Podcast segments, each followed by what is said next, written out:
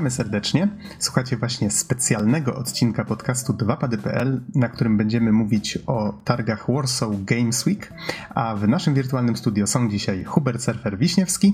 Cześć. Bartłomiej Donsot-Tomycyk. Halo, halo. I Marcin Easy Kołodziej. Cześć, cześć. A mówi Adam Noxa 15 Dębski. Nagrywamy w środę 18 października 2017. Właśnie jesteśmy niemalże świeżo po wspomnianych targach Warsaw Games Week i które przypomnę odbywały się 13-15 października, czyli w zeszły weekend. No i właśnie Surfer, easy. Wy mieliście okazję zjawić się tam już w piątek, czyli domyślam się, że było wtedy trochę mniej ludzi, mogliście lepiej obadać, co tam się działo. Powiedzcie, jakie były wasze wrażenia z tego dnia? To znaczy, wiesz co, ogólnie powiem ci, że, że w sumie było całkiem fajnie, nie? W sensie nie było zbyt dużo ludzi, mogliśmy spokojnie właśnie obejść, pograć, zobaczyć wszystko i, i nikt, nie, nie było zbytnich kolejek, udało się porozmawiać tam z paroma wystawcami, ale y, ogólnie całe WGW było trochę dziwne, jeżeli chodzi o dobór gier i o tytuły, które były tam prezentowane, dlatego, bo większość, jakby na to nie patrzeć, wychodzi, już lek teraz, albo wyszła dwa dni temu, albo wychodzi za tydzień, nie? Więc to są bardzo świeże tytuły. I, mhm. i dobra, może nie oczekujmy zbyt dużo po takiej małej imprezie tam w porównaniu do Gamescomów E3 czy jakichkolwiek innych, ale, ale trochę takie dziwne zagranie nawet to, co wspomniałeś właśnie, że to są gry, które niedługo mają premiery. Spójrzmy na stoisko Nintendo, na którym właściwie wiele rzeczy to były produkty, czy tam gry już dostępne na rynku, tak? Z wyjątkiem chyba tylko Super Mario Odyssey o którym jeszcze troszeczkę na pewno będziemy mówić. Wydaje mi się, że jeszcze ta gierka um, Warriors? E, tak, Fire Emblem Warriors Fire Emblem Warriors. Skyrim. Tak, i Skyrim. E, no to, to były chyba trzy gry, które można było ograć przed premierą. No i nowy 2DS XL e, chyba miał premierę też niedawno, czy dopiero będzie miał? E, nie, już miał parę miesięcy już temu. Już miał, no dobra. Tak więc tak, na dobrą sprawę, tak, rzeczywiście trzy gry nowe. Zresztą podobnie sytuacja wyglądała na innych stanowiskach. Microsoft tak na dobrą sprawę zaprezentowało tylko Forza na Xbox One X no więc przynajmniej tyle fajnego, że mieliśmy okazję ograć na nowej konsoli co nieco. Mm, a w przypadku Sony Gran Turismo, które miało swoją premierę chyba wczoraj, czyli 17. I tyle. I praktycznie... Jak to tyle? Jeszcze raz. No, no przecież Sony... No dobrze, jeszcze... Sony miało dużo gier na VR. To tutaj w tym roku było rzeczywiście bardzo, bardzo dużo gier na VR. I Detroit. I Detroit, tak, zgadza się. Oj, było trochę rzeczy. Powiem wam tak, y, wiem, że można na to tak patrzeć z perspektywy gracza, który siedzi w temacie, przychodzi tam i faktycznie twierdzi, okej, okay, no ale to wszystko za, mm, o da, za pół tygodnia będę mógł w to zagrać, tak, albo za tydzień, ale wydaje mi się, że to, co najbardziej zasługuje na uwagę, to to, że udało się faktycznie w jednym miejscu zebrać te ważniejsze firmy, czyli właśnie Sony, Microsoft pod jednym dachem, tak, coś, co Poznań Game Arena które odbyło się zresztą tydzień wcześniej, ale niestety w tym roku znowu nas nie było, więc niestety się nie wypowiemy, jak tam było tym razem. E, niemniej na Poznań Game Arena, z tego co pamiętam, zawsze był z tym problem, bo Microsoft chyba sponsoruje tę imprezę. Zawsze ten pad od Xboxa był tam na, na, na plecach tego gościa z materiałów marketingowych, więc Sony z tego co pamiętam, były jakieś problemy, żeby oni się tam zjawiali, czy, czy może już udało się to rozwiązać. Nie jestem pewien. Niemniej tutaj właśnie fajnie, że te firmy były. Każdy miał swoje stoisko, był Ubisoft, był. E, no, no, wszystkie te ważniejsze tytuły, tak, tam były, więc to, to, to było całkiem fajne. Jeżeli ktoś nie śledzi na bieżąco gier, też mógł się tam zjawić, pograć kupić lada moment to, co mu się na przykład spodobało, prawda? Znaczy, słuchaj, no, to nie jest tak, że nam się nie podobało, znaczy przynajmniej mi, e, dlatego że uważam, że to było bardzo fajne wydarzenie, fajnie zrobione, pod wieloma względami naprawdę profesjonalnie. No i wiesz, to, że jakaś gra wychodzi za kilka dni nie oznacza, że nie mogę sobie e, wcześniej wyrobić jakiejś opinii na jej temat, czyli na przykład zagrać, upewnić się, że hmm, no to jest coś, co chciałem dłużej pograć, albo to jest coś, co mi się nie podoba. I oczywiście zdarzały się gry i takie, i takie, czyli takie, które nam się podobały podobały i takie, które no nie bardzo, więc e, wiesz, nawet jeżeli to mówimy tutaj o grach, które właśnie no, wychodzą teraz praktycznie, no bo to jest e, taki jesień to jest największy boom na premiery growe, więc bardzo fajnie było ograć South Parka, Gran Turismo, VR-ze, nowego Assassina czy Far Cry'a i, i wiesz, i wyrobić sobie jakąś opinię na ten temat, zobaczyć jak to działa, samemu to ograć, no bo to jest troszeczkę inaczej niż, niż oglądać trailery. No i z drugiej strony to co mówisz, to wszystko było w jednym miejscu. Jeszcze do tego, jeżeli komuś udało się tam dostać w piątek z samego rana, tak jakby byliśmy kilka minut po otwarciu, no to naprawdę było jeszcze w miarę luźno. Można było po prostu podejść do prawie każdej gry i znalazło się miejsce do grania. No wiadomo, że już im dalej, im później, tym z tym było gorzej. Już z tego co wiem, nawet w piątek e, wieczorem było ciężko się dostać do wielu gier. No a sobota i niedziela e, sytuacja jeszcze gorsza. No Więc... tak, to może dodam, że ja z Donem i z wami zresztą też pojawiliśmy się tam w niedzielę i faktycznie wtedy było już więcej ludzi, ale słyszałem, że w sobotę był chyba największy tłok. Też tak słyszałem, ale nie potwierdzę, no bo, no bo nas nie było akurat sobotę. Byliśmy w piątek i w mhm. niedzielę. Więc mówię, no tak, tak jak przeważnie to na tego typu wydarzeniach, najlepiej być pierwszego dnia po prostu. Albo jeżeli jest to dzień prasowy, no niestety w tym roku nie było żadnego dnia prasowego. No jeżeli właśnie nie dzień prasowy, no to piątek wiadomo było, że jeszcze e, dużo ludzi będzie w pracy, dużo też młodzieży będzie w szkole czy na różnego rodzaju zajęciach. No więc to był dla nas taki e, dobry dzień, żeby wziąć sobie day off i, i pobiegać po targach w miarę e, luźno i bez problemu. Więc, y, więc to wyszło jak najbardziej fajnie. No i właśnie sam fakt, że też e, tutaj bardzo duży plus dla Nintendo za to, że pokazało się na tego typu imprezie, że zaprezentowało e, swoje najnowsze e, sprzęty, swoje najnowsze gry. No zabrakło tam tylko Xenoblade'a, no ale to będziemy lecieć po kolei. Aczkolwiek tutaj bardzo duży też plus dla nich, bo Nintendo jest no, troszeczkę u nas w większości nieobecne. Mhm. Okej, okay, ale to przejdźmy w takim razie do, do samych gier, tak? Skoro impreza skupiała się na grach, to my też teraz do tego przejdźmy i może opowiedzmy troszeczkę o tych wrażeniach e, z, z, tych tytułów, które udało nam się ograć. Część z tych rzeczy faktycznie była pokazywana w taki sposób, tak jak tutaj opowiadałeś mi, e, surfer, wcześniej, że Wolfenstein nowy pokazywany tylko w formie jakiejś prezentacji, tak? Nie można było w niego zagrać.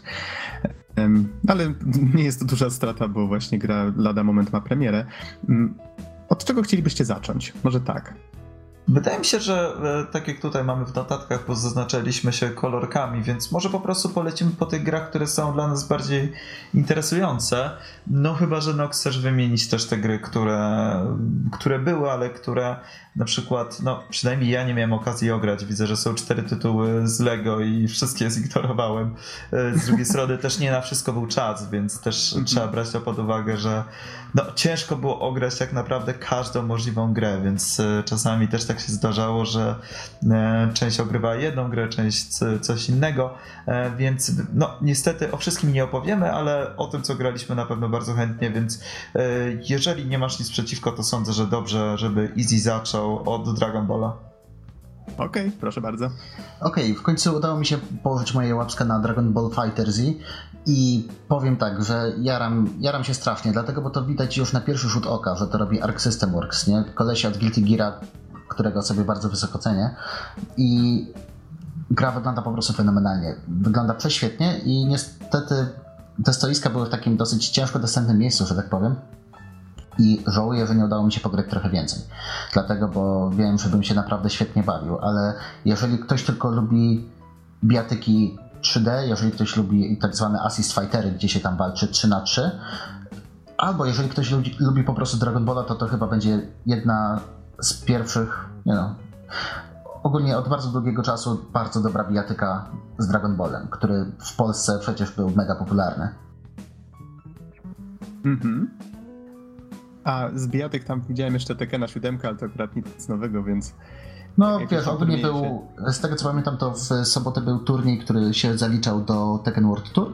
Tak, Aha. tak, z tego co wiem, więc e, oczywiście jeżeli ktoś jest zainteresowany, no to e, z tego co wiem, jedni z najlepszych graczy w Polsce pojawili się właśnie na Warsaw Games Week, by, by poklepać się w Tekenie. No my odpuściliśmy, bo E, troszeczkę nie ten poziom, poza tym musieliśmy odpocząć w sobotę po męczącym piątku.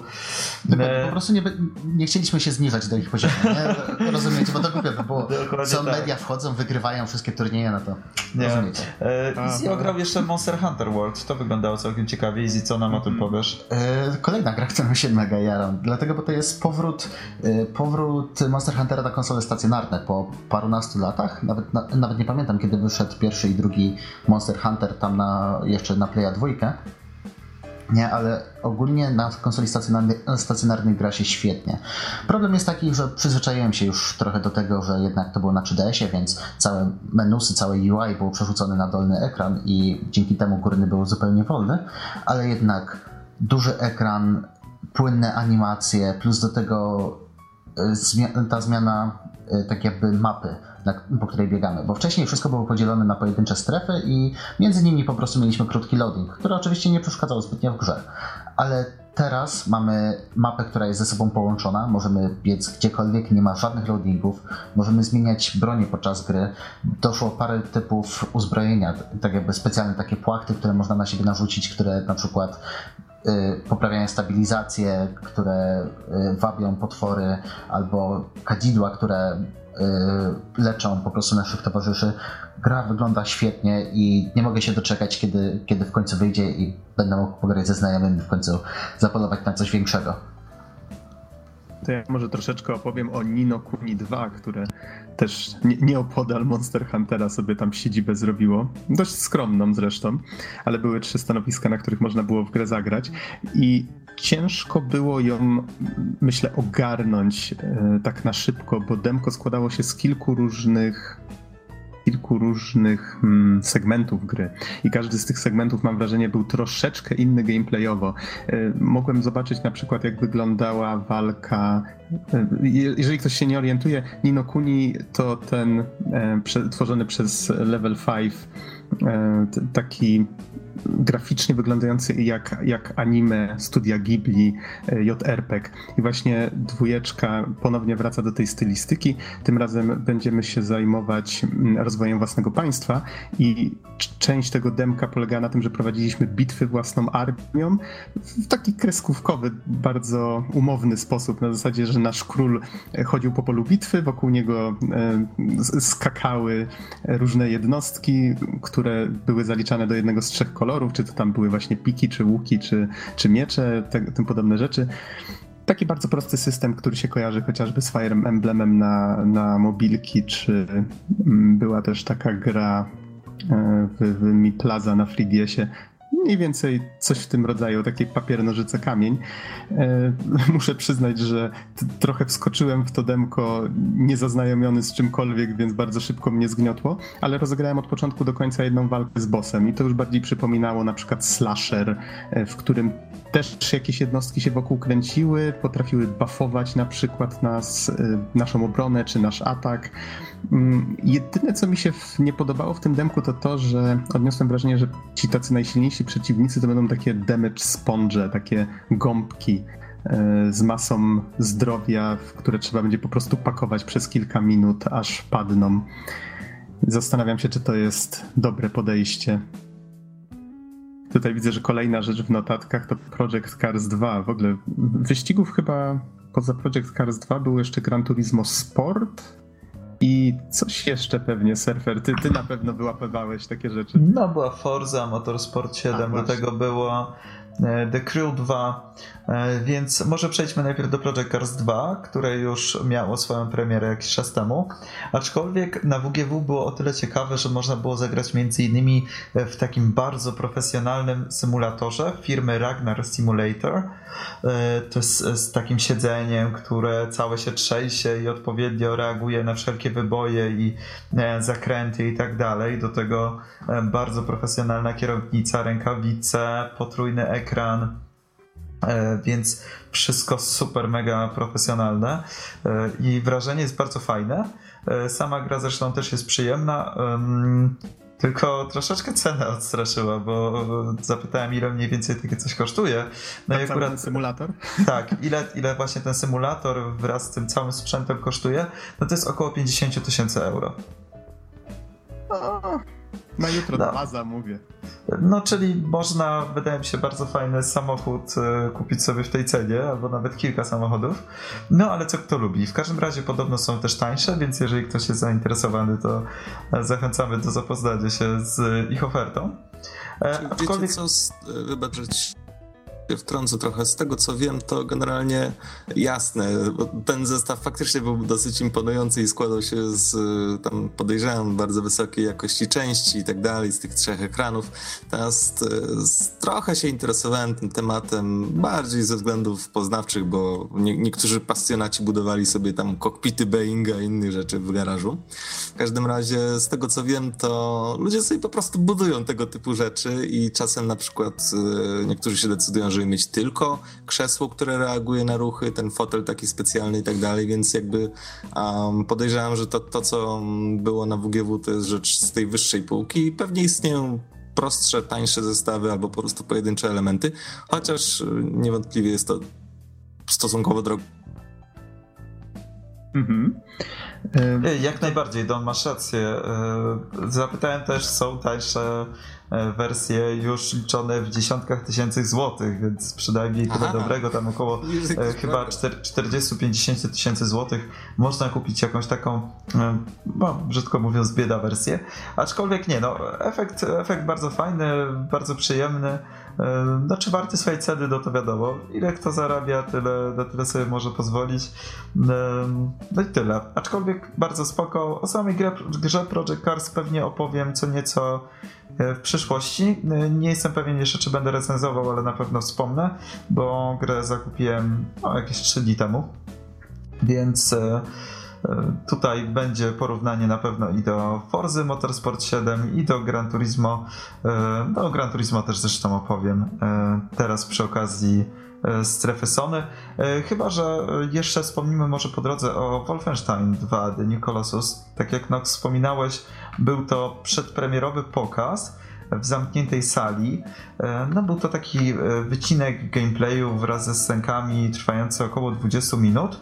E, no i nie wiem jak tutaj z jego wrażenia. Moje były bardzo pozytywne i na pewno obaj zwróciliśmy na jedną uwagę, czyli na bardzo fajnie dopasowaną muzykę, która też dopasowuje się do tego, co robimy na ekranie, co się dzieje. Czyli jeżeli zaczyna się jakaś wielka, większa strzelanina, no to ta muzyka przyspiesza, odpowiednio dochodzą kolejne instrumenty, więc tworzy to bardzo fajny klimat. Sama muzyka też jest fajna. E, no i e, Easy, co ty o tym sądzisz? Zresztą swoją drogą ogrywamy teraz od kilku dni pierwszą część, więc już masz troszeczkę też porównanie między jedynką a dwójką. Jak to by się podobało? To znaczy ogólnie wyglądało po prostu fenomenalnie. Ja, ja bardzo kupuję takie klimaty. Nie, strasznie, strasznie mi się skojarzyło z Dumem, dlatego, bo tam zauważyłem, że było trochę więcej yy, w sumie w jedynce Wolfenstein też możemy podbiec i po prostu komuś wbić noż w gardło. Nie, ale wydawało mi się, że tam było, w dwójce było trochę bardziej płynnie to wszystko. Ale na trailerze były i wybuchy, strzelanie laserami, byli naziści, było wszystko co potrzeba. Nie? I rzeczywiście siedziałem na tej salce kinowej, było całkiem niezłe nagłośnienie i po prostu nogi mi same chodziły do, w rytm muzyki, jak kolejne warstwy po prostu się pojawiały. Na zasadzie na początku tam bohater się skrada, no to jest spokój, podbiega do kogoś, dochodzi jakaś lekka gitara, ale na przykład nikt go nie zauważył, no to wtedy znowu się wycisza. I rzeczywiście muzyka była bardzo powiązana z tym, co się działo na ekranie i ja bardzo kupuję, tym bardziej, że ciężkie gitarowe brzmienia i rozwałka to tylko miłe wspomnienia z Dumem, więc kupuję w ciemno, naprawdę. Jak najbardziej, bardzo ta muzyka się rzuciła w uszy i tworzy mega fajny klimat i pompuje tak do, do walki, więc nam się bardzo podobało. po prostu leci cały czas. To dla równowagi tylko powiem, że my z Noxem stwierdziliśmy, że chyba nie chcemy tego na razie oglądać, tylko po prostu od razu skoczymy do samej gry, kiedy już będzie można. Tak, tak tacy z nas profesjonalni dziennikarze, że o, pokazują Wolfensteina. Wiecie co, w sumie nie chcę go sobie spoilować kilka dni przed premierą, pójdę w tamtą stronę. Tak, mniej więcej tak to wyglądało. Surfer już zdążył nas wyśmiać z tego powodu. Ale to w takim razie przejdźmy, przejdźmy dalej. E, co my tu mamy? Stoisko Sony, tak? Tak, i Gran Turismo Sport o tyle ciekawe, że po raz pierwszy chyba miałem okazję zagrać Gran Turismo Sport na VR-ze.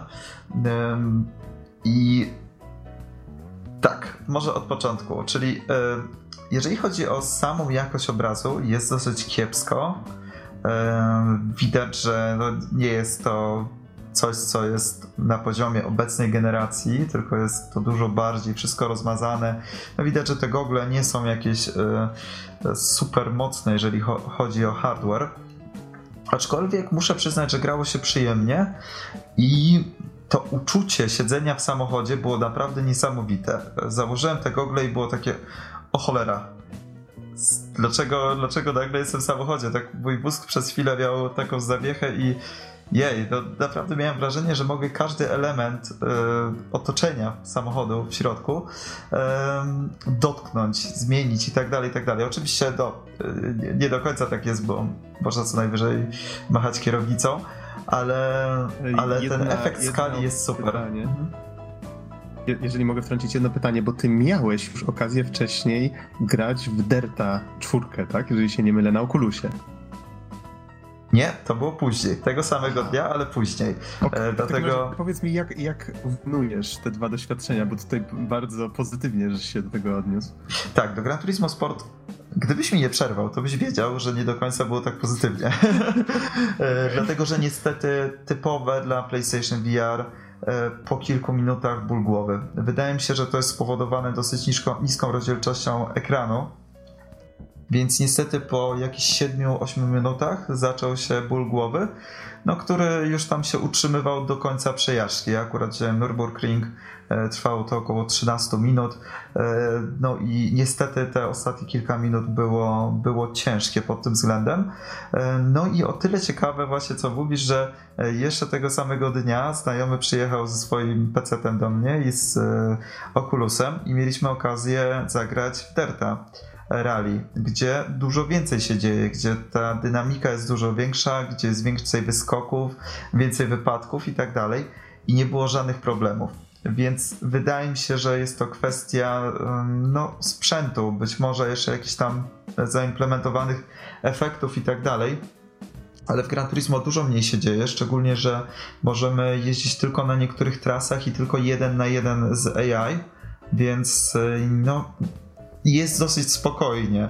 E, więc ostatecznie ten efekt skali jest super, to fakt, ale nie jest warty swojej ceny, czyli tego, tego złego samopoczucia, które pojawia się po kilku minutach, no którego nie było na przykład po dużo dłuższych sesjach z Deretem Rally czy innymi grami. Zresztą siedzieliśmy, graliśmy tego tej nocy w różne inne gry na Oculusie i nie było problemów e, u nikogo z tego co wiem z zawrotami głowy czy z nudnościami. No niestety na PlayStation VR one się pojawiają u mnie i tak to, tak to wygląda. Mhm. To, to w takim razie zmusza mnie do tego, żeby zapytać, czy faktycznie y, na PSVR masz coś takiego nie tylko z dynamicznymi grami, bo powiem ci, że ja w swoich doświadczeniach z takimi spokojniejszymi rzeczami to nie miałem z tym problemu, co nie? E, wiesz co, e, czy ja grałem w jakąś mniej dynamiczną grę, się zastanawiam, bo grałem w te mechy, Riggs, grałem też w Farpoint, to się chyba nazywało, taka strzelanka. No tak. grałem w Gran Turismo i przy każdej z tych gier po jakimś czasie pojawiał się ból głowy. Ja akurat nudności nie mam, ale za każdym razem po czasie pojawia się ból głowy. Przy Oculusie tego nie było, więc wiesz, to, tutaj jeżeli chodzi o VR, to jest tak bardzo indywidualna kwestia i każdy tak, ma tak, tak, zupełnie różne odczucia. E, dosłyszałem, że w zeszłym roku chyba zresztą też było grywalne to Gran Turismo Sport i no i jakaś pani miała bardzo, bardzo nieprzyjemne przeżycia z tym związane, więc wiesz, trzeba samemu spróbować. E, mimo tego, że sam efekt tego Mm, tego zakłamania, że siedzi się w tym samochodzie jest naprawdę fajny, no to mówię, dla mnie nie wart swojej ceny i na pewno to jeszcze nie jest e, ten poziom technologii, który bym chciał. No to jeżeli chodzi o PlayStation VR. Mhm. E, okej, okay, w takim razie przejdźmy e, dalej i Sony miało też coś, co udało nam się ograć, chyba wszyscy żeśmy w to zagrali, czyli Detroit Become, Become Human, nową grę Davida Cage'a, który znany jest z tego, że potrafi bardzo fajnie robić pojedyncze scenki, ale już fabuł do całych gier wychodzi bardzo, bardzo różnie. No i właśnie, powiedzcie, jak wam się podobała ta scena z negocjatorem, którą mieliśmy okazję ograć? Może Don? Przede wszystkim e, zwrócił moją uwagę fakt, że no, generalnie był przedstawiony świat futurystyczny, no i właśnie główny bohater był android, negocjator. I co, co mi się spodobało już jeśli chodzi o sam design, to na przykład fakt, że miał jakąś taką po prawej stronie głowy w okolicach czoła e, taką niby to lampeczkę, niby to jakiś inny element, który tam świecił się, migotał w momencie, kiedy jakieś tam przetwarzał dane, co, co jest dosyć charakterystyczne dla zwykłych komputerów, które dzisiaj mamy. Takie fajne dane. Zresztą sam jego strój z, z jakimiś takimi odblaskowymi, nieodblaskowymi elementami, czy po, po, połączone z wyświetlaczami. Taki bardzo, bardzo fajny, e, bardzo fajny nastrój to już wprowadziło w pierwszej, e, w pierwszej sekundzie, w pierwszych minutach. Teraz e, też zwróciło moją uwagę fakt, że no tak, to jest demko. Ono wrzuciło nas od razu do akcji. Otóż Android negocjator został wysłany na miejsce zdarzenia, w którym no, był, był oczywiście jakiś konflikt inny Android się zbuntował. Pierwsze, co trzeba było zrobić, to mm, znaczy mieliśmy możliwość zbadania tego, co się stało i w zależności od tego, ile zebraliśmy informacji, od razu ska skakał nam taki licznik procentowy, jaką mamy szansę na pozytywne rozpatrzenie całej sytuacji, rozwiązanie całej sytuacji. No i potem y, następowała druga część, czyli właściwie można powiedzieć główne mięsko. Po przygotowaniach przechodziliśmy do tej części, w której trzeba było faktycznie negocjować. Um, no i to była właśnie taka jedna, jedna z, jeden z lepszych fragmentów, bo na bazie danych, które zebraliśmy, e, trzeba było używać konkretnych rodzajów e, wypowiedzi, czy tam racjonalnych, emocjonalnych i tak dalej, żeby, e, żeby wynegocjować e, życie ofiary. Um, I co jest jeszcze warte wspomnienia, to to, że bardzo fajnie została zbudowana atmosfera napięcia i atmosfera no, pewnego rodzaju pośpiechu, tak, że zdawało się, że nie można tam rozglądać się po mieszkaniu pół godziny, bo zaraz będzie po wszystkim, więc no, bardzo... Mhm. A surfer jak u ciebie? E, to podobne odczucia, zresztą tam w, ekran, w którymś rogu ekranu była, był taki licznik, który spadał, jeżeli za długo e, czekaliśmy nie wiem, przyglądaliśmy się różnym e, rzeczom w otoczeniu i tak dalej, więc na pewno e, ten klimat z jednej strony napięcia, bo tam wiele osób, które dosyć mocno wariują w tle się pojawia e, z powodu sytuacji, w której się znajdujemy, a z drugiej strony nasz bohater jest bardzo taki stoicki, spokojny i, e, i to daje taki dosyć ciekawy efekt, bo e, masz poczucie tego, że e, no, jest dosyć wysokie napięcie, że masz tego czasu mało, ale z drugiej strony tak profesjonalnie i bardzo pieczołowicie podchodzisz do każdego elementu, patrząc co się, co się wydarzyło, przeglądając jakieś dokumenty, czy, czy jakieś laptopy, czy inne urządzenia, żeby zdobyć jakieś informacje, które mogą ci pomóc przy Mm, próbie odbicia zakładnika, więc e, ja jestem jak najbardziej na tak i bardzo mi się to podoba. No i mam nadzieję, że jednak David Cage tego nie spieprzy i że nie wyjdzie z tego no, kolejne, e, kolejna klapa typu druga część, znaczy druga połowa Fahrenheita, czy, czy różne tam dziwne wymysły Heavy Raina, e, więc mam nadzieję, że będzie dobrze, ale samo demo jak najbardziej na plus, więc jeżeli tylko po tym miałbym wnioskować, czy gra będzie fajna, tak na razie jest super. Ja jeszcze dorzucę od siebie, że w sumie oczywiście David Cage, no to takie bardzo mocno filmowe gry. I rzeczywiście widać to było po demie Detroit, dlatego, bo byliśmy prowadzeni za rączkę. To tak wszędzie, każda zagadka, wszędzie gdzie mamy iść, wszystko było za rączkę, wszystko było podświetlone, wszystko było takie na zasadzie, że niby opcjonalne, w sensie okej, okay, jestem grom, więc to jest opcjonalne, ale tak naprawdę to lepiej to zrób. No, właśnie dokładnie tak, tak się czułem. Na zasadzie, że chodź tutaj ze mną, złap mnie za rączkę, ja ci pokażę palcem, co masz zrobić, co nie chcesz, a spoko, spoko, to idź dalej, skończ tylko demko i baw się dobrze. Mhm. E, to nie zmienia faktu, że to pasuje do takiej gry tego typu. Taki, taki design, który stara się popychać cię w odpowiednią stronę i wydaje mi się, że to, co widzieliśmy, to był też początek albo gry, albo początek wątku tej postaci, a wiemy, że będzie ich kilka, więc domyślam się, że to też ma znaczenie, że to tak może ta rączka troszeczkę się poluzuje, tak, w późniejszych etapach. To znaczy, to też jest po prostu demko przystosowane do takich targów, gdzie ludzie niekoniecznie grają więcej w gry, więc pewnie zdaję sobie z, tego sprawę, co po prostu wyrażam zaniepokojenie i mam nadzieję, że jednak będziemy mieli trochę więcej swobody. Okej, okay, rozumiem, rozumiem. No zresztą przy tej grze to faktycznie obawy są jak najbardziej słuszne. Też mam nadzieję jednak po tym demku, że to wyjdzie. W sensie wyjdzie dobrze. Wiecie co, ja jeszcze jedną mm -hmm. rzecz dorzucił od siebie, konkretnie w momencie samego negocjowania. Tam, tak jak wspomniałem wcześniej, mm, też oczywiście pod presją czasu musieliśmy szybko obierać, ale mieliśmy kilka opcji dialogowych. I one były, mm, na przykład zaistniała jakaś sytuacja, mamy kilka opcji dialogowych. I, um, i co prawda niektóre z nich były dosyć jasne, to znaczy tam spełnij prośbę, tego, te, tego, z którym negocjujemy przeciwnika, można powiedzieć, lub też nie i tak dalej, ale niektóre były tak bardzo ogólnie sformułowane, czyli na przykład podejście emocjonalne, podejście racjonalne i tak dalej. To w ten sposób były cztery opcje i chociaż przez większość czasu e, wydaje się, że to dosyć czytelne jest. Mi się zdarzyło, że okej, okay, to teraz podejście racjonalne, tak? I to nie było do końca to, co mi się wydawało, że będzie. Więc e, trochę mi to przeszkodziło, ale, ale to tak naprawdę mogło być tylko, tylko powiedzmy przejściowe wrażenie, bo może się okazać, że w pełnej grze gracz po prostu przyzwyczai się do tego typu um, oznaczeń i nie będzie żadnego problemu. Niemniej w demku to zauważyłem. Mhm. Okej, okay, panowie, czas nas goni, więc przyspieszmy troszeczkę. Czy jeszcze jest coś, co chcemy, o czym chcemy wspomnieć z Sony?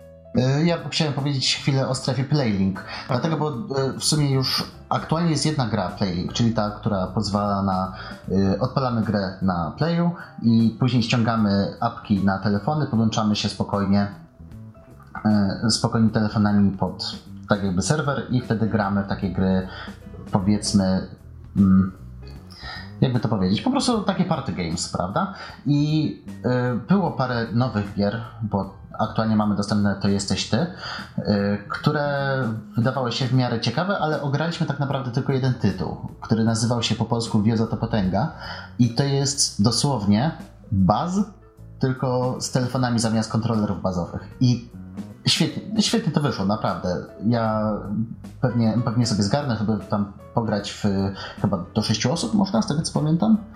Chyba tak, nie jestem no. pewien, bo nie grałem z wami, ale oglądałem jak graliście. Nie, więc świetna zabawa, jeżeli ktoś tylko kojarzy baza, to to jest po prostu gra dla niego. Baz to taki teleturniej growy. Znaczy wiesz co, zgadzam się, zgadzam się jak najbardziej, e, przy czym uważam, że baz był fajniejszy dla osób też niegrających, dlatego że e, tutaj ta gra, o której mówiłeś, Easy, wy, wymaga spoglądania cały czas na telefon przez osoby, które biorą w tym udział, no i e, też przeszkadzanie sobie, a co za tym idzie na przykład odpowiedzi u niektórych graczy będą powiedzmy jakoś tam zamazane i gracz, żeby je zobaczyć, musi najpierw je palcem tam e, sobie Mm, odmazać. E, no i e, to jest z jednej strony wymagane do tego, żeby właśnie można było się przerzucać jakimiś tam przeszkadzajkami między graczami, ale co za tym idzie, na ekranie na przykład nie pojawiają się odpowiedzi, więc osoby, które nie grają, a chciałyby na przykład też zgadywać, no to już nie mają tak łatwo jak w przypadku Baza, gdzie te odpowiedzi były zawsze widoczne na ekranie. To jedyny taki mankament, który mi się rzucił w oczy, no ale tak naprawdę wydaje mi się, że jest to fajne party game, Dodatkowo też no, ogromnym plusem jest to, że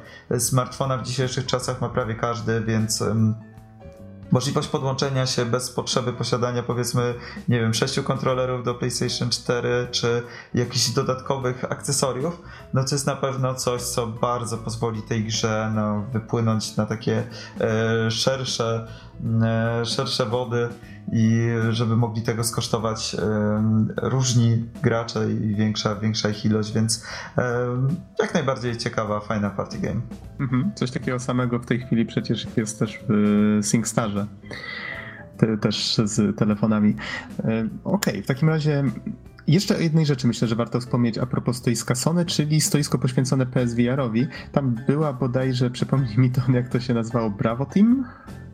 Tak, tego chyba nie mieliśmy okazji ograć, ale ja miałem okazję ograć The Impatient od twórców Until Dawn i ty, Don, miałeś okazję ograć grę, która się nazywała z tego co widzę Stifled? Dokładnie. To może opowiedz troszeczkę o tym Stifled, ja za chwilę opowiem o The Impatient i przejdziemy do Ubisoftu i Microsoftu i widzę, że jeszcze Nintendo nam na końcu zostało, czyli Super Mario Odyssey. Powinniśmy się troszeczkę e, śpieszyć w takim razie. E, Stifled to jedna z gier VR, która wykorzystuje, a właściwie po prostu gra VR, która wykorzystuje um, wykorzystuje, no powiedzmy, pewną symulację zjawiska echolokacji, Um, czyli akurat ja byłem, że tak powiem, podłączony do stanowiska, w którym po prostu dostałem headset razem z mikrofonem i Um, żeby cokolwiek zobaczyć w grze, a były to tylko kontury obiektów, trzeba było do mikrofonu coś powiedzieć. W zależności od tego, jakim natężeniem głosu e, mówiłem, to taką, e, taką, powiedzmy, taki obszar odkrywałem zresztą tylko na chwilę, bo on, on znikał. E, żeby nie było tak niewygodnie, na padzie była też możliwość wywołania e, drobnego puknięcia dźwięku, więc nie trzeba cały czas mówić, żeby cokolwiek widzieć, ale jedną z takich fajniejszych rzeczy, która nieco później się okazała w demku, że na, na planszy, na mapie jest też potwór, który sam, e, który sam e, też wywołuje dźwięki. One są zaznaczone na czerwono, a nasze są na biało. No i cóż, no trzeba było e, przejść e, przez poziom tak, żeby ten potwór nas nie dopadł, nie usłyszał i no i klasyczny, klasyczny element można było na przykład chwycić skałę e, i nią rzucić, żeby ona sama zrobiła hałas. Więc tutaj takie dosyć interesujące, dosyć, dosyć fajny pomysł. Jedyne, co, e, co zwróciło mu uwagę na pewno niekorzyść, to kiedy, pod, kiedy można było podnieść e, skałę, kiedy ją niesiemy, to bardzo łatwo nasza głowa jakby w tę skałę wnikała, a wtedy cały ekran się zaczerniał, żeby uniknąć efektu zaglądania w obiekt, co było dosyć dokuczliwe akurat. Mhm. Niemniej e, cała gra była dosyć pomysłowa i myślę, że interesująca.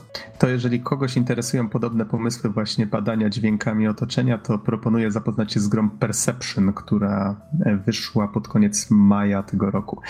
E, a jeżeli chodzi o The Impatient, to gra bardzo fajnie wprowadza w klimat. Jesteśmy osobą zamkniętą w szpitalu psychiatrycznym. Już na początku jesteśmy przypięci do krzesła, więc bardzo fajnie się to więc jest to taki, taki siedzący experience, tak? takie doświadczenie na siedząco, więc jeżeli usiądziemy sobie, to automatycznie troszeczkę lepiej się wczu- możemy wczuć w ten świat.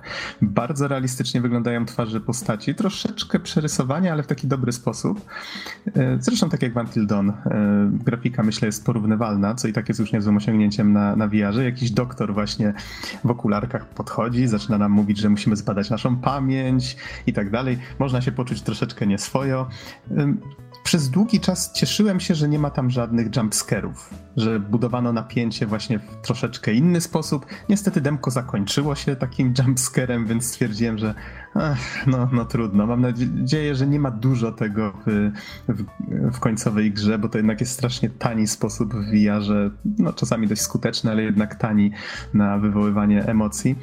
E, niemniej z takich rzeczy, które jeszcze mi się rzuciły w oczy, to to, że gra fajnie pozwala nam reagować na to, co się dzieje. Czyli na przykład bohater próbuje podejrzewać jakąś pielęgniarkę, która idzie korytarzem, w sensie jakaś inna postać, która prowadzi nas y, na, na wózku, którym jedziemy, y, próbuje poderwać jakąś pielęgniarkę i potem mówi, że a niech to, ona tutaj nie zwraca na mnie uwagi, tak? I możemy głową wybrać kwestię dialogową na lewo albo na prawo tej postaci, że tam spokojnie kiedyś cię zauważy, albo właśnie jakiś tam zaczepny e, komentarz na ten temat, więc w ten sposób e, gra się rozwidla i już tam były, pojawiały się tak samo jak w Until Dawn informacje, że w zależności od tego, jakie kwestie wybierzemy, to może to wpłynąć w jakiś tam sposób na, na historię. Trochę szkoda, że później pojawiło się w dalszej części dema też poruszanie się, czyli w sensie lewą gałką do przodu, do tyłu, prawą gałką tak skokowo na boki obracanie się. Jednak trochę lepiej byłem zaczepiony w tym świecie, kiedy ktoś mnie przez niego wiózł, tak, albo, albo byłem na, na siedząco. No niemniej i, i, a, I troszeczkę dziwnie te ręce postaci, bo jednak jak się rozglądamy i widzimy, że jesteśmy tą postacią w świecie gry, to ona trzyma te ręce tak strasznie pionowo przed siebie. Nie wiem na ile to demko było nowe. Gra wychodzi bodajże za miesiąc. Nie wiem, czy wspiera mowy. Niestety nie, nie udało mi się dowiedzieć e, tej informacji nigdzie. Mm, no niemniej możliwe, że to demko było już stworzone na potrzeby E3 i, i, i, to, co ostatecznie trafi do sprzedaży, będzie troszeczkę nowsze. Niemniej klimat mi się podobał. Jest to coś fajnego, co z chęcią bym sobie wypróbował w pełnej wersji. Okej, okay, panowie, przechodząc dalej. E, Sony mamy już za sobą. Ubisoft pokazywał takie rzeczy jak South Park nowy, jak Far Cry 5, był Assassin's Creed Origins, czyli dość oczekiwane premiery. Co mieliście okazję z tego ograć? No, ja grałem kolejny rok z rzędu South Parka. I kolejny raz z rzędu był to początek gry, tym razem troszeczkę dłuższa wersja, no i zmieniona względem tego, co było poprzednim razem. E, nie mam tu naprawdę nic do dodania. Tak naprawdę, jeżeli ktoś e, lubi South Parka, jeżeli komuś pasowała pierwsza część gry, e, no to wie tak naprawdę czego się spodziewać. E, gra już miała swoją premierę akurat e, między targami a naszym nagraniem. E, zebrała dobre oceny, więc no ja jeszcze nie miałem okazji ograć pełnej wersji gry, ale na pewno się będę do tego przymierzał w najbliższym czasie. Wszystko jak najbardziej da plus. Humor oczywiście bardzo mocno poruszający tematy pierdzenia, robienia kupy, robienia różnych nieprzyjemnych rzeczy różnym ludziom, bardzo dużo przekleństw i typowego dla South Parku e, humoru, e, który z jednej strony oczywiście jest taki bardzo głupkowaty, e, jeżeli się spojrzy na to powierzchownie, ale z drugiej strony często porusza też takie poważne kwestie społeczne i tak dalej, więc jak najbardziej na plus. Y, grałem też może od razu już ja dokończę ze swojej strony e, strefę Ubisoftu, zanim oddam głos Iziemu. Ograłem też Far Cry 5, zresztą Easy też. I tutaj mieliśmy okazję grać wersję na PlayStation 4. E, klimat tej gry jest rewelacyjny. Jest taki bardzo mocno redneckowy. To jest taka Ameryka wioski, jakieś takie, czy przedmieścia różnego rodzaju. Bardzo fajny klimat, bardzo fajne postacie, bardzo takie mocno przerysowane, z fajnym akcentem. Gameplayowo jest też bardzo fajnie. E, niestety jedyny problem jest z framerate'em, który no, dosyć mocno kuleje tam na PlayStation 4. Wydaje mi się, że docelowo chyba ma być 30 klatek, ale nawet to nie wyrabia. E, aczkolwiek no, mieliśmy okazję pojeździć różnymi samochodami, postrzelać się z różnych broni, polatać samolotem. E, no i dla mnie mówię, przede wszystkim klimat e, jest zbudowany niesamowity. Jak na razie ostrożnie na plus. Zobaczymy, jak będzie z optymalizacją i czy Ubisoft nie nawali w kwestii, nie wiem, jakichś podcinanych elementów fabularnych, które będzie nam sprzedawał później w formie DLC ale jeżeli będzie klimat i gameplay taki jak w demie i troszeczkę poprawią e, optymalizację, to jak najbardziej na plus. Więc w tym roku Ubisoft zalicza e, duży kciuk w górę. Bardzo mi się podobało to, co akurat od nich ograłem. Ja z kolei ograłem demko Transference. Transference jest ogólnie tytuł, który został pokazany w, tylko w formie takiego trailera na, na E3 w którym to trailerze zresztą pojawił się m.in. Elijah Wood, więc będzie jakaś tam dobra ekipa aktorska, ale ogólnie gra przedstawia tak jakby specjalny system, który pomaga w psychoterapii, prawda? I polega on na tym, że zagłębiamy się we wspomnienia pacjentów, że badamy ich mózg właśnie przez e, sprawdzanie, sprawdzanie ich wspomnień. I tutaj w demku e, wchodzimy do umysłu człowieka chorego na PTSD, czyli Post-Traumatic Stress Disorder.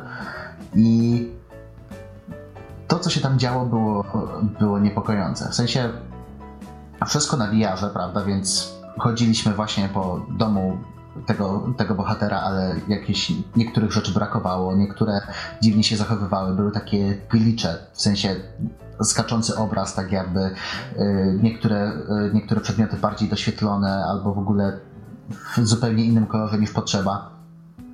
I to było takie na zasadzie, że bardzo, bardzo mocno trzymało klimat. Nie było żadnych jumpscarów, nie było, nie było nic takiego, ale za to y, sama taka niepewność i z jednej strony niepewność i strach przed tym, co właśnie przeżył ten człowiek, ale z drugiej chęć właśnie poznania przyczyn jego zachowania. Ogólnie polecam, naprawdę byłem bardzo pozytywnie zaskoczony. Z kolei inna gra, którą byłem bardzo negatywnie zaskoczony, zresztą nie tylko ja, Hubert też, to był nowy Assassin's Creed, w sensie Assassin's Creed Origins. Wyglądał spoko, nie? w sensie kolejny Assassin tak z wierzchu jak się popatrzy, ale nie wiem, Wydaje mi się, że po prostu już za dużo tych Assassinów. Były tak wydawane rok w rok praktycznie, non-stop i i przejadło mi się to zupełnie. To Ten... znaczy, na pewno plus jest klimat i, i, sam setting, bo Assassin's Creed Origins mm, będzie miało miejsce w Egipcie. Więc ten e, klimat i stylistyka bardzo mi się podoba. Zresztą graficznie też jest bardzo ładny, jest bardzo kolorowy i, i to wszystko fajnie wygląda. E, przypomnę tylko, że graliśmy w wersji na PC.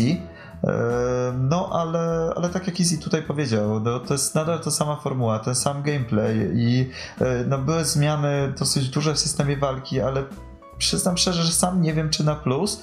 No inna sprawa, że gra posiada też system lootu, czyli zdobywamy różnego rodzaju bronie, zbroje i, no i ogólnie ekwipunek, e, który ma różne statystyki, więc to mamy tutaj dosyć poważne przeczucia, że będzie to dobra okazja do tego, żeby wrzucić do kolejnej gry e, w tym roku lootboxy, więc bardzo ostrożnie do tego podchodzimy. No i na sprawa, że akurat my nie jesteśmy fanami e, tego typu gameplayu, więc e, no jeżeli ktoś czeka na kolejnego Assassina, to pewnie, pewnie chętnie zagra, ale my raczej nie polecamy. No, do tego jeszcze z tych takich śmiesznych rzeczy, na które zwróciliśmy uwagę, to po pierwsze to, że y, główny bohater ma swojego sokoła. Chyba to jest chyba sokół? Tak. Y, który zachowuje się jak dron z Ghost Recona. W sensie spoko, można polatać, gdzieś tam odkryć kawałek mapy, pozaznaczać przeciwników, a do tego ma tryb stacjonarny. I się zatrzymuje i wtedy wisi sobie w powietrzu i oznacza, oznacza adwersarzy. I takie może wtedy były inne sokoły, no. No, może tak. Kiedyś to było jak dawniej, nie? Kiedyś to było lepiej, no. Już dzisiaj nie robią takich sokołów jak No, a dokładnie z takich głupich rzeczy, y, które zauważyliśmy, to to, że całość była naprawdę bardzo fajna, płynna. Myślę, że spokojnie 30 klatek jak mniej więcej wyciągało. Wydaje mi się, że ta wersja była w 60 FPS-ach nawet. Ale wyglądało tak, jakby nogi głównego bohatera miały framerate dzielony przez 4. Naprawdę. Ca cały trup się zachowywał normalnie, wszystkie ciuchy i tak dalej, i tak dalej, ale za to jak się popatrzyło na nogi, to tak jakby, nie wiem, 10-15 klatek maksymalnie. Tak, bieganie, to... bieganie po schodach dawało bardzo dziwny efekt i e, tak jakby ta postać, połowa działała normalnie, a połowa była w 30 czy 20 klatkach, więc e, no cóż, zobaczymy, może do premiery to poprawią. Czyli co, póki co wniosek, unikać schodów. Unikać schodów i unikać Assassina.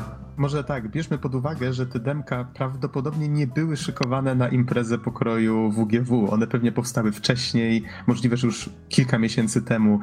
tak, wiesz, Nox tam bardzo dużo stoisk miało napisane, że to jest, znaczy nie stoisk, sam, samych gier same gry w sobie miały, że jest to szykowane na E3 na przykład, że E3 Build albo nie wiem, E3 Demo, więc oczywiście to są, to są dema, które były e, zapewne w dużej większości e, szykowane na E3, no ale my oceniamy to, co widzimy, prawda? Możemy się domyślać, czy, czy będzie to poprawione, czy nie, no ale to nie od tego tu jesteśmy, tylko mówimy tak, jak jest, a no, tak. No, jest jak jest, no. Zobaczymy, jak będzie na premierę, może będzie mhm. dobrze.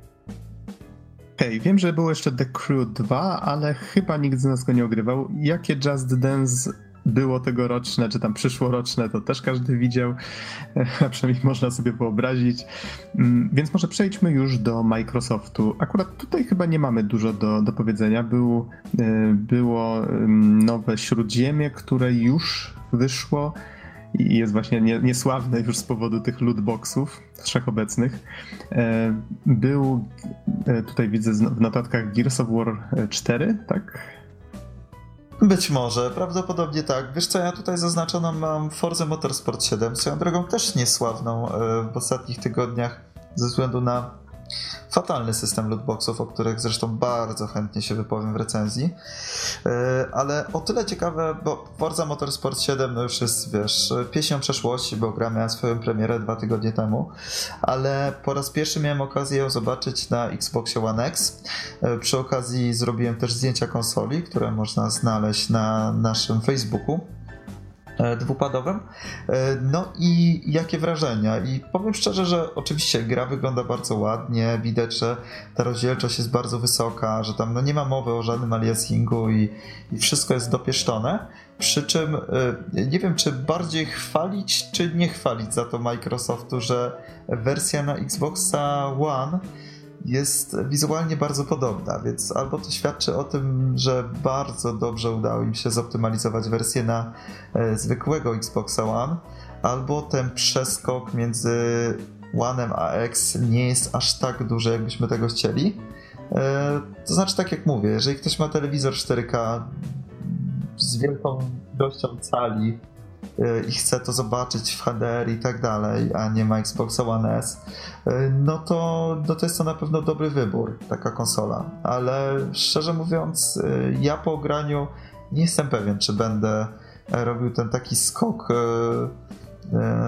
półgeneracyjny między Xboxem One a Xboxem One X, bo no nie widzę jak na razie potrzeby, nie powaliło mnie to w żaden sposób. Wygląda ładnie, ale nic więcej. No samej Fordzie Motorsport 7 nie będę teraz mówił, bo tak jak mówię, no to jest gra, która już jest od jakiegoś czasu na rynku. E, Właśnie Recenzja zresztą pewnie będzie niedługo, więc... Mhm. Właśnie mam wrażenie, że większość rzeczy na tej liście to są rzeczy, które już e, są od dawna. Właśnie tak dlatego te Gearsy mnie zdziwiły, bo one wyszły już w zeszłym roku, co nie? Więc nie, nie, no, tak samo jak Tomb Raider już ma swoje lata, mhm. więc... Czyli, to, czyli czy dobrze myślę, że przede wszystkim Microsoft skupił się na tym, żeby pokazać e, Xbox One X, tak? To jak Właściwie to ja nie wiem, na czym Microsoft się w tym roku skupił, wiesz, bo gdyby chciał pokazać Xbox One X, to byłoby więcej stanowisk, a tak na dobrą sprawę sądzę, że z 80% to były stanowiska z normalnym Xboxem, więc e, One. Więc tak na dobrą sprawę nie wiem za bardzo, co tam Microsoft robił. Tak tak jak Sony miało bardzo mocne, e, mocne mocne pole do popisu, jeżeli chodzi o VR. Tak jak Nintendo wreszcie pokazało swój najnowszy sprzęt i najnowsze gry i gry, w które dopiero zagramy, tak Microsoft nie pokazał nic zbyt ciekawego. E, więc ciężko ale mi powiedzieć. Za, ale za to miał największy X stojący który był właściwie takim landmarkiem, do którego wszyscy dążyli, bo był widoczny z wielu miejsc. No ale tak, stoisko robiło wrażenie z daleka, ale sam się nie zagłębiałem, ponieważ nie mam konsoli, tak? Więc wierzę na słowo w to, co mówisz. E, z e, Microsoftowych rzeczy ograliśmy z Donem Age of Empires Definitive Edition. Nie jestem pewien, czy to jest to, co teraz e, powstaje, czy to było jakieś stare Definitive Edition, bo już troszeczkę mi się zaczynają mylić, szczerze mówiąc, te remastery. Teraz powstaje Age of Empires 4. No tak. Dodatkowo Age of Empires 2 zostało zremasterowane mm-hmm. i powstają, powstały przynajmniej dwa nowe DLC, zupełnie autorskie, takie, których dawniej nie było.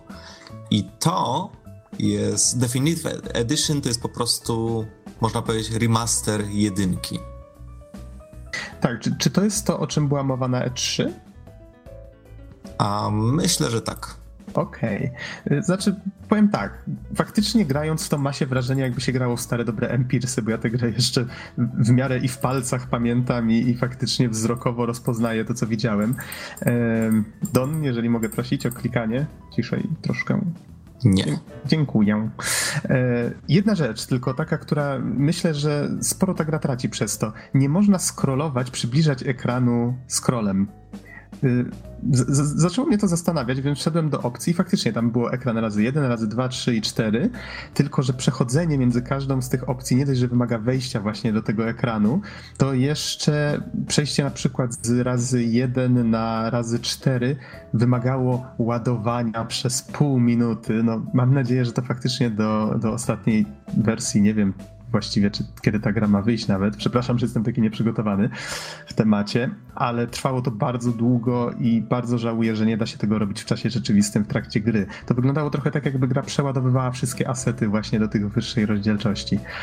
No i to właściwie tyle, co mogę powiedzieć. No, grało się to jak właściwie w te stare Empirsy, przynajmniej przez te kilka minut, jakie z grą spędziłem. Ja mogę dodać od siebie, że faktycznie ten brak, brak zmiany powiększenia scrollem był zauważalny. Fajnie, gdyby to było. Natomiast uspokajam jednocześnie, że standardowym jakby trybem było powiększenie dwukrotne i ono właściwie niczym się nie różniło e, w proporcjach od tego, które znamy z oryginalnej jedynki, więc tutaj nie powinno być problemu, bo dużo, dużo grałem na w jedynce właśnie na tym standardowym. Tutaj też się przekonałem, że nie ma problemu, wszystko fajnie widać. Um, właściwie scenariusz był tak skonstruowany, żeby raczej popatrzeć na to, co jest, a nie, e, a nie e, tworzyć coś nowego, ale wygląda to naprawdę bardzo ładnie, bardzo szczegółowo i no, myślę, że dużo fanów jedynki będzie bardzo zadowolonych. Mhm. I właściwie ostatnia rzecz, która nam została, to Nintendo, a właściwie o Nintendo już trochę powiedzieliśmy. Nintendo skupiało się przede wszystkim na tym, żeby pokazać i Switcha, i to, w co można już teraz na tym Switchu zagrać. Było też troszeczkę nowości, o których wspomnieliśmy na początku, czyli ten Fire Emblem Warriors, czy y, Skyrim akurat nie widziałem, ale jeżeli mówicie, że był, to, to też fajnie ale najbardziej czekałem właśnie na tego Super Mario Odyssey i faktycznie gra jest bardzo sympatyczna, fajna, można było ograć albo ten level w, ten, ten świat właściwie, bo to jest pierwsza od y, Super Mario Sunshine gra z Mario w otwartym świecie, więc mamy takie otwarte tereny, placy zabaw, po których możemy latać zbierać te, te, to chyba były półksiężyce, tak? Um, poukrywane w różnych miejscach i na pustyni lodowej, jeżeli dobrze pamiętam, bo Mario, jeżeli tylko się zatrzymaliśmy na jakiejś wydmie, to trząsł się z zimna przy jakichś bryłach lodu, e, albo w tym mieście, które naśladuje troszeczkę Nowy Jork, i gra jest bardzo sympatyczna, bardzo fajna, ma tego swojego nintendowskiego ducha y, i wszystko właściwie, co już widzieliśmy na, na gameplayach, czyli ta możliwość wejścia w ścianę, żeby można było skakać jak w dwuwymiarowych częściach serii, czyli takie bardzo ładne, piękne nawiązanie do klasyki. Ja od razu, Jednocześnie... wiesz co, ja bym nawet rozwinął to określenie. Moim zdaniem to są elementy gameplayu bardzo dokładnie odzorowane z jedynki, tylko po prostu rzucone na ścianę. Jest tak. genialne, bo już w wielu różnych produkcjach, produkcjach e, wydawanych przez Nintendo, związanych choćby z Mario, bardzo często jest charakterystyczne to podejście do retro, tak, że te ośmiobitowe elementy są gdzieś wmieszane, te powiedzmy nowoczesne, no ale to jest temat na inną rozmowę. E, poza tym Mario Odyssey naprawdę bardzo miły nastrój e, panował w tej grze. Jakaś taka bardzo sympatyczna, przyjemna. Myślę, że Gexen bardzo by się ucieszył. tak, tak, to prawda. E, więc jak najbardziej pozytywne wrażenia z Mario Odyssey i chyba jeszcze o jednej rzeczy możemy wspomnieć. Wiem, Don, że badałeś troszeczkę stoisko czy stoiska właściwie z indykami. E, I tak tylko Hola, hola, Noxie, to tutaj... Tak? My pierwszego dnia, pierwszego dnia w piątek, pierwsze co z Izim, to polecieliśmy do Mario Odyssey, a ty nawet nie dałeś nam możliwości się wypowiedzieć, no więc shame on you, shame on you i proszę teraz siedzieć cicho, bo teraz nasza kolej. E, więc musimy dodać swoje trzy grosze, bo jest to najważniejsza premiera e, chyba na Nintendo, która została w tym roku, no może oprócz Xenoblade Chronicles X. E, dwa, dobrze mówię? Tak, tak. Tak. E, tak więc Super Mario Odyssey ograliśmy, tak jak mówiłeś, dwie plansze, jedna taka meksykańska zmrożona, a druga ten Nowy Jork. I troszeczkę dłużej pograłem w tym Nowym Jorku, no i klimat jest niesamowity, jest naprawdę mega przyjemny i fajny. Do tego Mario bardzo przyjemnie się prowadzi, że tak powiem. E, bardzo przyjemnie się nim porusza. E, skacze, z, można rzucać czapką, żeby przejmować przeciwników i móc nimi kontrolować. E, można zmieniać stroje. Jeszcze nie wiem, co to daje, ale, ale jest naprawdę fajne. No i otwartość tych plansz, a zarazem tak. Um, kurczę, no naprawdę dobry level design e, powoduje, że chce się w to grać więcej i, i generalnie staram się nie hypować te gry, za mocno, bo, bo po personie już nie ma czym, ale choroba jasna czekam i, i to będzie, to nie wiem, chyba, że naprawdę jakaś będzie katastrofa w dniu premiery i okaże się, że jest jakiś straszliwy gniot, ale nikt tego nie przewidywał, ale po tym, co graliśmy, zdecydowanie must have na Switcha i no i czekamy, bo wydaje się, że to będzie mega, mega wysoki poziom. No jedna z najlepszych gier tego roku, konkurująca no naprawdę z najlepszymi. Więc ja jestem zachwycony. No ogólnie nie wiem, jak Nintendo to robi, nie? Wcześniej się nie jarałem Switchem, później chwilę coś tam poczytałem, poogarniałem, pograłem, kupiłem Switcha, nie? Nigdy się nie jarałem Zeldą. I wsiąkłem. Nie? Nigdy się nie jarałem grami z Mario. I naprawdę, pograłem chwilę i magia Nintendo, nie? Po prostu oni mają coś sobie, coś po prostu potrafią tchnąć po prostu życie w, w swoje produkty. Właśnie i te mechaniki 2D, i ogólnie cały film taki z biegania dookoła, że wszystko jest takie, takie płynne, elastyczne, takie, takie fajne po prostu. Nie? To jest prześwietne i dalej widać, że to jest, że to jest gra Nintendo po tym, że spoko, mamy całkiem dosyć szczegółowe te, te otoczenia, to New Donk City to się chyba nazywało, mamy masę znajdziek, najróżniejszych i takich, i takich poukrywanych, i takich, które są na wierzchu, takich, gdzie musimy chwilę pomyśleć. Mamy geometrię poziomów, która zupełnie nie ma, nie ma sensu, prawda?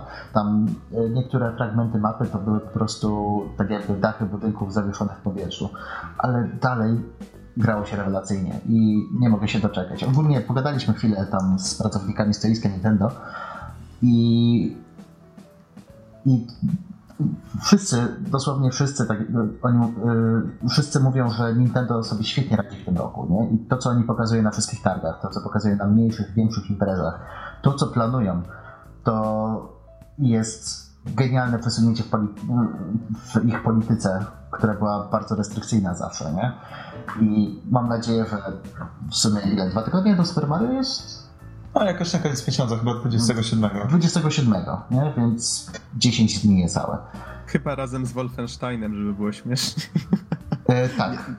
Niemniej, e, niemniej tak, i przypomnijmy, że jeszcze kilka lat temu można było śmiało powiedzieć, że Nintendo w Polsce prawie wcale się nie reklamowało, czy to na PGA, czy gdziekolwiek indziej, więc mając jedno z lepszych stoisk teraz na WGW, praktycznie pokazują, jak dużo się zmieniło.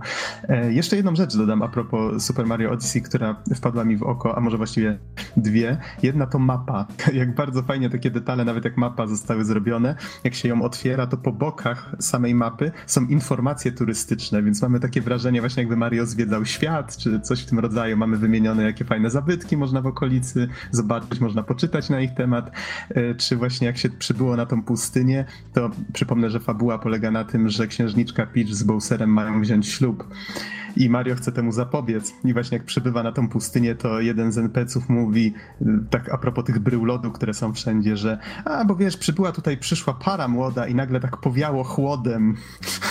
więc to taki przyjemny sucharek. To będzie naprawdę bardzo fajna gra, więc ja, ja bardzo czekam. E, Nox, jeszcze jedna rzecz, mhm. skoro jesteśmy już przy Nintendo, ostatnia rzecz z mojej strony. E, mieliśmy okazję pomacać nowego 2DS-a. Mm, jak tam który... macanie nowego 2DS-a? Który designem przypomina bardzo 3DS-a e, nowego i nam się podoba i wykonanie i kolorystyka e, jest naprawdę fajna, więc uważamy z Izim, że jeżeli e, ktoś chciałby kupić z jakiegoś powodu nowego DS-a, a nie chce, nie potrzebuje tego 3D, to jest to naprawdę fajny zakup i bardzo przyjemna konsolka przenośna. Przynajmniej taka jest nasza opinia. Tym bardziej, że jest tańszy od od New 3DS-a, więc naprawdę, jeżeli to była dla Was bariera, bierzcie w ciemno, bo warto. Tym bardziej, że 3DS ma teraz gigantyczną bibliotekę gier. Mhm. To może to dam, tak się troszeczkę chwaląc, że kupiłem New 3DS-a, tego z nadrukiem z Metroida. Bo ja lubię 3D i jestem bardzo zadowolony. To, jak komuś nie zależy na 3D, to jak najbardziej. A jeżeli zależy, to wiecie, gdzie go szukać. I ostatnia rzecz chyba, o której powinniśmy wspomnieć, bo och, jak zwykle plany nasze czasowe zostały rozdmuchane do, do niesamowitych rozmiarów, ale to już chyba do tego przywykliśmy, czyli te stoiska Indii. E, nie wiem, czy ktoś jeszcze oprócz Dona e, robił rozeznanie. Ja z Donem tylko mieliśmy okazję chwilkę pograć w Seven Seven, już patrzę jak ta gra się nazywa dokładnie, Seven the Days Long Gone, czyli e, tego RPGa, którego współtworzą między innymi ludzie, którzy odeszli z CD Projektu. I to, co się bardzo rzuca w oczy, to to, jak fajnie ta gra łączy stary sposób prezentowania gier RPG e, z takiego rzutu izometrycznego z gameplayem, który troszeczkę się kojarzy z Asasynem, bo mamy właściwie taki intuicyjny, taką intuicyjną kontrolę, że od razu wsadem, myszką chodziłem, hasałem po dachach, robiłem właśnie jakieś takie e, ruchy zupełnie się z tego typu grami nie kojarzące, więc bardzo fajna swoboda ruchu, ładnie graficznie to wszystko wygląda i jeżeli tylko fabularnie będzie się trzymać, to może być z tego naprawdę bardzo fajna gra. To może Don, jakie były twoje wrażenia i opowiedz może troszeczkę o tych indykach, czy coś ciekawego zauważyłeś i wydaje mi się, że to już chyba będzie koniec a propos WGW, ale jakby co to myślcie jeszcze, czy czegoś nie dodać. Don, oddaję ci. Moje wrażenia odnośnie były dosyć podobne do twoich. Bardzo ładnie gra się obroniła, jeśli chodzi o oprawę graficzną, jeśli chodzi o e, sterowanie, intuicyjność i płynność tego gameplayu. Naprawdę nie widzieliśmy dużo, ale czasem widać po prostu po pierwszej minucie czy dwóch, że, że coś w tym jest, że, że coś ciekawego jest. Więc tutaj mm, myślę, że myślę, że bardzo ładnie to określiłeś. Natomiast e, ja właściwie pierwszą rzeczą, którą tak na, bardziej wnikliwie mm, zwiedziłem, czy też gdzie się udałem i spędziłem trochę czasu, to stoisko wydawcy Fat Dog Games. E, jego obrębie, w obrębie tego stanowiska było dziewięć takich mini stanowisk e, różnych e, indyków, różnych e, gier, które oczywiście były tworzone przez różne zespoły pod szyldem wydawcy Fat Dog Games i miałem okazję zapoznać się z takimi grami jak Indigo, Inner Voices, Sand is the Soul i Dream Alone. Z tego wszystkiego to był dosyć, dosyć rozrzut tematyczny. Mm, Indigo przykładowo to przygodówka point and click o malarzu, który cierpi na depresję. I, no i tam generalnie jesteśmy tym malarzem i, e, i kolejne dni przeżywamy zamknięci w pokoju, mm, cierpiący na, na tę chorobę psychiczną, można tak powiedzieć w sumie. I e, co jest ciekawe, to to, że autorzy bardzo poważnie podeszli do tematu i samą grę troszeczkę potraktowali jako taki przyczynek do tego, żeby ludziom trochę więcej powiedzieć o tej przypadłości i, i trochę ich w cudzysłowie doedukować, tak, przy okazji robienia tej gry, więc bardzo, bardzo fajne podejście. E, warto, warto używać gier do tego, żeby coś więcej powiedzieć. E, inna ciekawa rzecz to Dream Alone, czyli właściwie mm, platformówka bardzo mocno inspirowana Limbo, o czym zresztą powiedzieli mi sami twórcy, że tutaj mocno się na tym wzorowali i faktycznie Dream Alone kontrolujemy, kontrolujemy chłopca, który, um, który przemierza światy pełne morderczych pułapek. E, natomiast co jest, e, co jest fajne, to na przykład przenosimy się e, za pomocą konkretnego przycisku do równoległej, równoległej rzeczywistości, w której ona jest dokładnie taka sama, tylko różni się szczegółami. Na przykład w jednej są kolce, w innej nie, więc musimy się przenieść i tak dalej. Do tego dochodzą też inne umiejętności, ale, ale jakby to jest ten schemat. Kolejna rzecz to Inner Voices na VR-ze e, i tu z kolei to jest taki świat e, widziany z pierwszej osoby między życiem a śmiercią, i, i główny bohater, chociaż fabuły niewiele pokazano, główny bohater musi się zmierzyć z, z, ze swoimi wspomnieniami z przeszłości w takim dosyć surrealistycznym otoczeniu. Natomiast gra, która najbardziej mnie zainteresowała, to Sand is the Soul, taki jest tytuł. I to jest e, naturalnie gra niezależna, ale też bardzo niszowa, bo sam jej autor mm, powiedział mi, e, że bardzo lubi te stare gry, w których najpierw trzeba było przeczytać instrukcję, a dopiero potem przejść do rozgrywki, bo w samej rozgrywce nie znajdowaliśmy żadnych podpowiedzi w ogóle. I, um, i on był do tego przygotowany naturalnie, więc y, na stanowisku była książeczka mała, którą można było przejrzeć z kontrolą i takimi generalnymi podpowiedziami co do gry, ale też w przypadku na przykład wydania cyfrowego jest PDF przygotowany. W każdym razie sama gra e, jest nastawiona na to, że mamy odkrywać i sami e, eksperymentować w świecie. To wygląda mniej więcej tak, że mamy widok e, z boku postaci, z boku świata. Wszystko jest w dwóch wymiarach, możemy się trochę w górę i w dół e, przemieszczać jak w starych bijatykach i generalnie rzecz biorąc otwarty świat z fabułą rozplanowaną mniej więcej jak w serii Dark Souls, czyli po prostu mamy pewne fragmenty, jakieś elementy rozrzucone po świecie i musimy sami eksperymentować, żeby ją poskładać w całość. Sama gra dosyć ciekawa, chociaż wymagająca od gracza raczej zaangażowania. Niemniej myślę, że, że to może być coś, coś fajnego. W każdym razie, no, um, indyki, jako, jak to indyki, często mają dużo fajnych pomysłów i tym razem nie było inaczej. Mhm. I wydaje mi się, że tym akcentem możemy chyba skończyć mówić o Warsaw Games Week. Chyba zgodzimy się wszyscy, że impreza była zorganizowana na bardzo wysokim poziomie. Fajnie, że zaproszono tak duże firmy, które przywiozły tak nowe tytuły. Niektóre na tyle nowe właśnie, że za tydzień mają, mają premierę. Więc myślę, że ogólnie rzecz biorąc bardzo, bardzo fajnie, bardzo fajnie wyszło. Cieszę się, że, że miałem okazję zagrać w parę z tych rzeczy. To już właściwie wszystko na dzisiaj, więc dziękujemy bardzo za uwagę i do usłyszenia w następnym odcinku. Trzymajcie się.